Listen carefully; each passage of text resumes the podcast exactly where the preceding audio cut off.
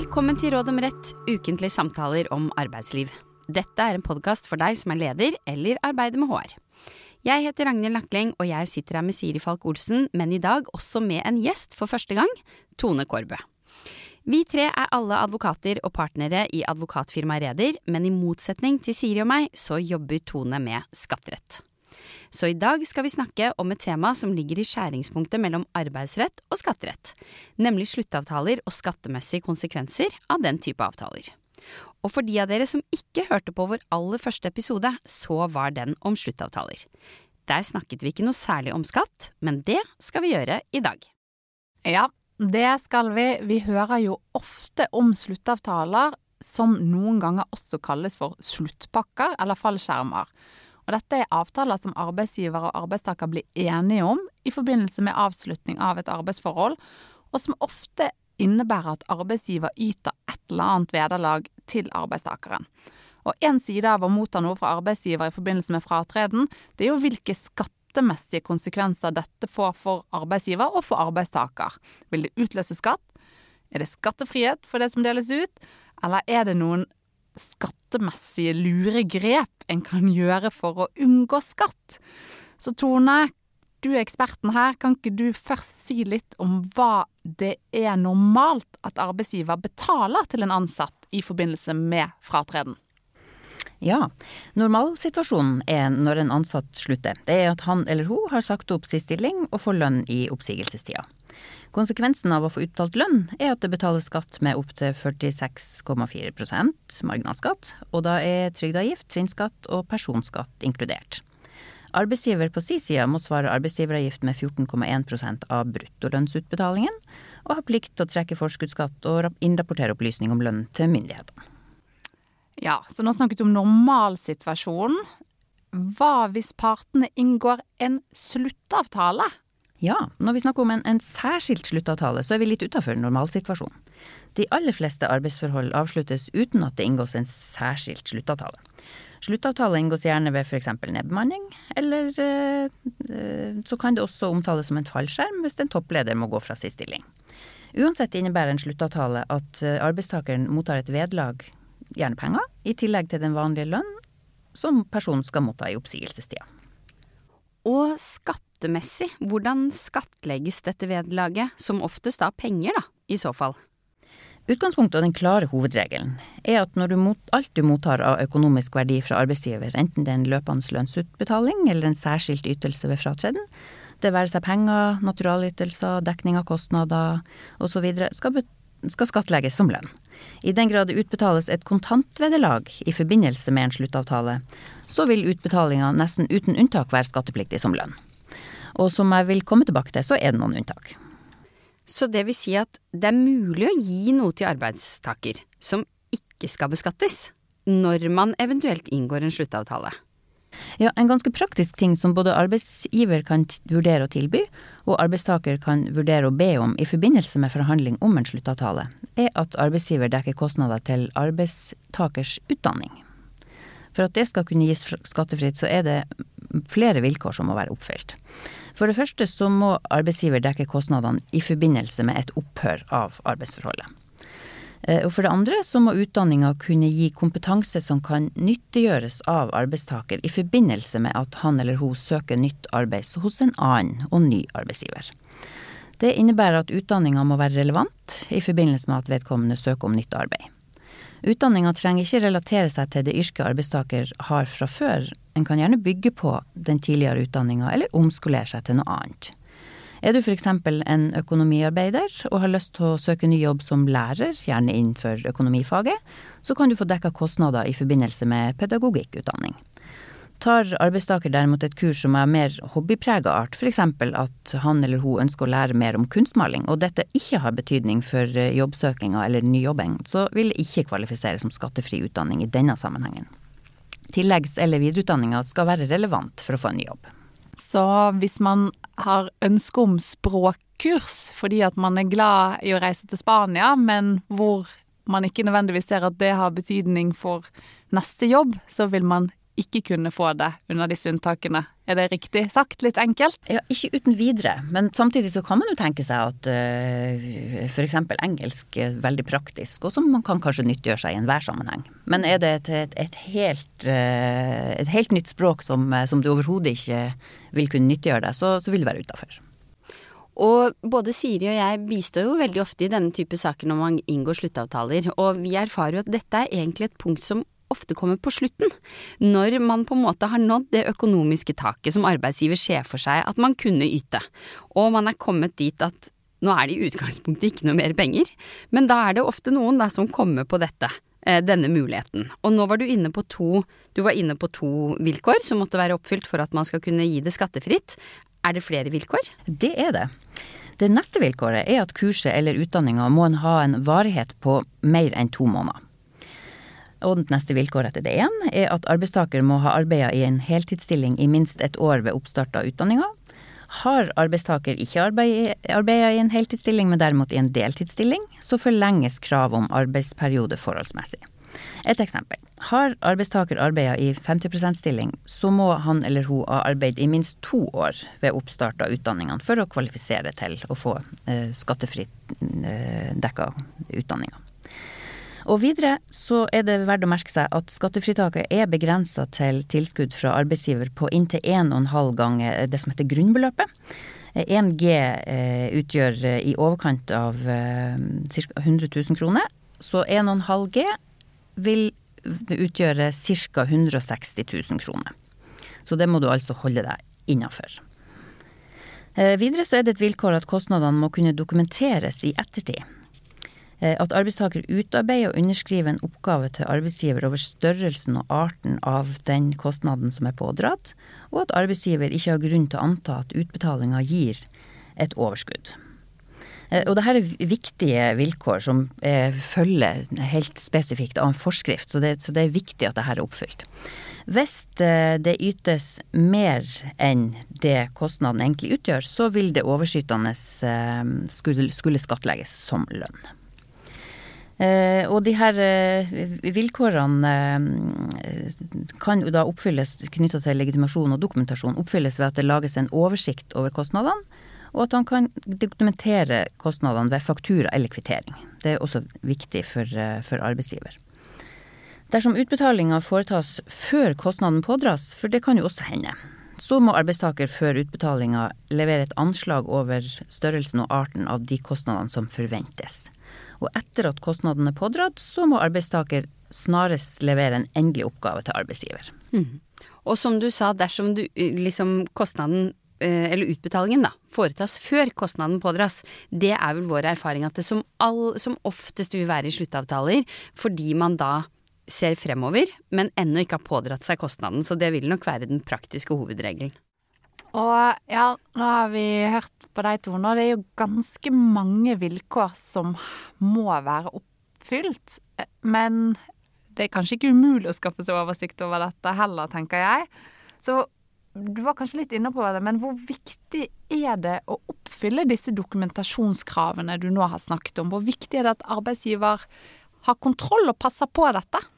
At dokumentasjonskravene er oppfylt, det er helt avgjørende for skattefriheten. Det er også nødvendig for at arbeidsgiver skal eh, håndtere regnskapsmessige, bokføringsmessige og skattemessige regler på si side. Eh, oppfølges ikke legitimasjonskravene, dvs. Si arbeidstaker ikke har levert underskrevet oppgave eller lagt frem kvitteringer, så vil kostnadsdekninga medføre en skatteplikt for arbeidstaker. Eh, arbeidstaker kan i prinsippet da kreve fradrag for kostnadene sjøl, men det vil være begrensa til den mottatte godtgjørelsen som man da får fra arbeidsgiver. Men, og det er viktig å merke seg her, er at fradraget vil i praksis inngå i minstefradraget. Og da vil det medføre at arbeidstaker neppe får glede av fradraget. Så viktig å passe på dette, med andre ord. Og hva hvis arbeidstaker har byttet jobb tidligere og fått utdanning finansiert fra tidligere arbeidsgiver? Er han eller hun da forhindret fra å få dekket denne type kostnader skattefritt på nytt? Nei. det er han ikke. Skattefritaket gjelder uavhengig av om arbeidstakeren har dek fått dekka utdanning hos tidligere arbeidsgiver. En arbeidstaker kan altså få dekka kostnadene til utdannelse flere ganger av ulike arbeidsgivere. Så da vet vi at utdanning det er én ting man kan vurdere dersom man ønsker å bidra med noe til arbeidstaker i forbindelse med en sluttavtale som kan dekkes skattefritt. Er det noe annet man kan vurdere som også kan dekkes skattefritt?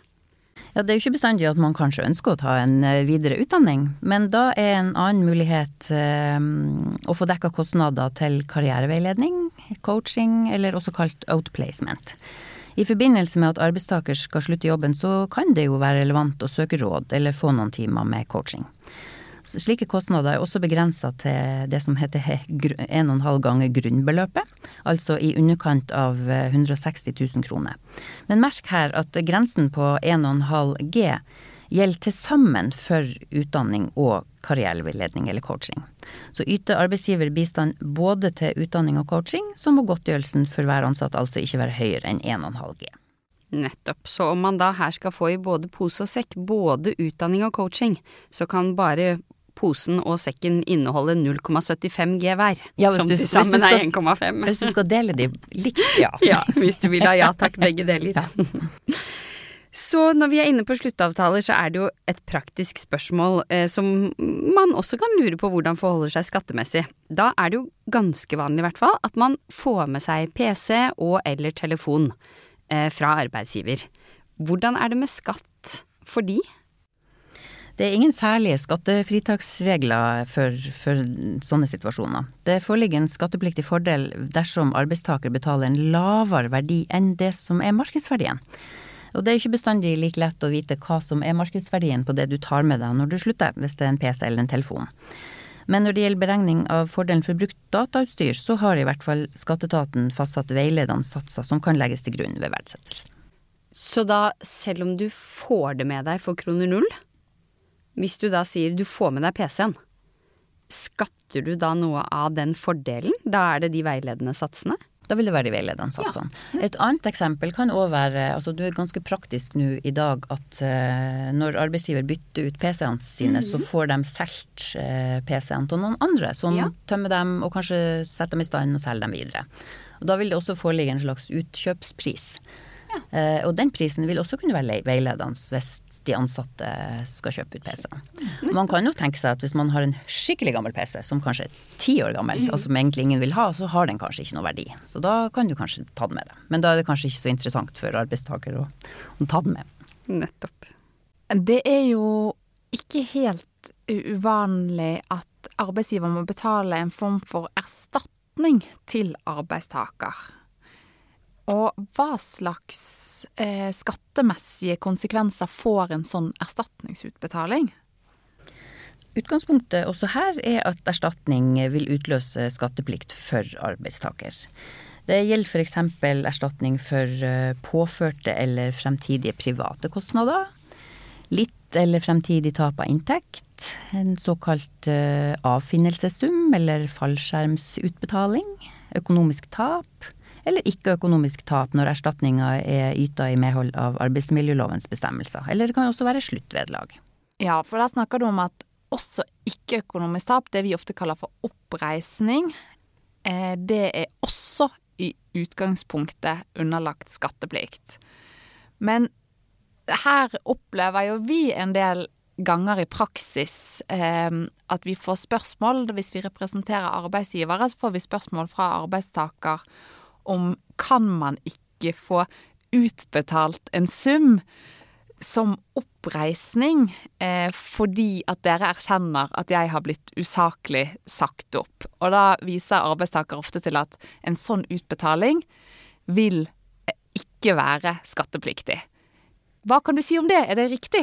Ja, det, det er særlig to viktige unntak når det gjelder skatteplikt for, eh, for erstatning. Eh, det første er dersom skatt arbeidsgiver betaler erstatning for ikke-økonomisk skade ved usaklig oppsigelse eller urettmessig avskjed, som, som, du var inne på, Siri. Eh, da kan det være et skattefritt med et beløp inntil 1,5 eh, ganger grunnbeløpet, dvs. Si 160 000 kroner. Dette er også kalt erstatning for tort og svie. Det er, det er et vilkår at oppsigelsen er usaklig, eller at avskjedigelsen er urettmessig. I tillegg så må erstatninga knytte seg til en ikke-økonomisk skade som følge av, eh, av da oppsigelsen eller avskjedigelsen. Hvis det foreligger en rettskraftig dom som slår fast at oppsigelsen er usaklig eller avskjedigelsen er urettmessig, så kan det legges til grunn. I andre tilfeller så må arbeidsgiver sannsyn, eller arbeidstaker, unnskyld, arbeidstaker sannsynliggjøre at dette vilkåret er oppfylt. Arbeidsgiver må i praksis nærmest innrømme å ha brutt loven, noe som ofte sitter langt inne. Det er derfor sjelden at vi ser denne type erstatning, med mindre det følger av en, en, en rettskraftig dom. Da. Ja, og Det stemmer jo absolutt med vår erfaring også, Tone. Vår erfaring det er nok at dette er en type utbetaling som arbeidstakere gjerne ofte vil motta, men som arbeidsgivere ikke vil gi. Ofte naturlig nok, fordi at det samtidig betyr at man må erkjenne eh, skyld da, knyttet til at det foreligger en usaklig oppsigelse eller avskjed. Så, så, i praksis er det vel sjeldent at dette vil bli aktuelt, i hvert fall fra et arbeidsgiverståsted. Har du noen andre unntak du kan nevne? Ja, En annen type skattefri erstatning er menerstatning. Det er ikke skatteplikt for erstatning for ikke-økonomisk skade dersom betingelsene for menerstatning foreligger etter skadeserstatningslovens regler. Dette gjelder likevel bare for den delen av beløpet som anses å være en kompensasjon for den ikke-økonomiske skaden. Merk at skattefriheten for menerstatning ikke er begrensa til 1,5 ganger grunnbeløpet på samme måte som det som er redegjorde for, eh, for litt siden. Eh, arbeidsgiver eller en som representerer han, må imidlertid ha begått en forsettlig eller grovt uaktsom krenkelse eller mislig atferd mot arbeidstaker. Krenkelsen eller atferden må oppfylle vilkårene til straff i en av bestemmelsene i straffeloven, som det er vist til i skadeserstatningsloven.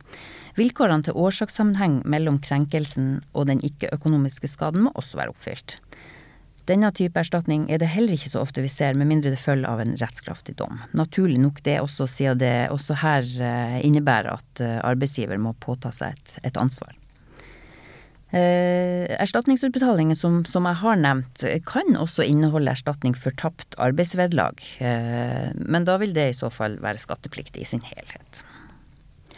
Hvis erstatninga anses som lønn for den ansatte, så vil det også være fradragsrett for arbeidsgiver. Fradragsrett for lønnskostnaden for arbeidsgiver. Det vil også være fradragsrett for arbeidsgiver dersom det gis erstatning til arbeidstaker for ikke-økonomisk skade. Så fradragsretten kan arbeidsgiver ha, eh, selv om eh, det ikke er skatteplikt på arbeidstakers hånd. Hmm. Og da vet vi langt mer om erstatning og skatteplikt i forbindelse med sluttavtaler enn før vi begynte episoden, i hvert fall. Men et annet spørsmål, Tone. Hvis arbeidsgiver utbetaler et beløp til arbeidstaker i forbindelse med at man inngår en sluttavtale, har det noen betydning om det beløpet utbetales eh, løpende, som oftest da månedlig, eller i en engangssum, på godt norsk kalt lump sum? Det er fullt mulig for partene å avtale hvordan utbetalinga skal skje. Eh, F.eks. lønn i seks måneder kan utbetales månedlig, eller det kan avtales at det betales i en lumpsum eller et engangsvedlag. Hvis det skjer som løpende utbetalinger, så vil disse skattlegges løpende. Utbetales en engangssum, så skattlegges denne én gang. Det kan være lurt eh, å tenke gjennom om det kan være gunstig for arbeidstaker at utbetalinga skjer over eh, to inntektsår, f.eks., for, eksempel, for å spre både inntekt og skatt for arbeidstaker på to inntektsår. I motsetning til de fleste andre inntekter så skattlegges lønn etter det såkalte kontantprinsipp, dvs. Si først når den utbetales. Ja. Tidligere i podkasten så har vi snakket om feriepenger.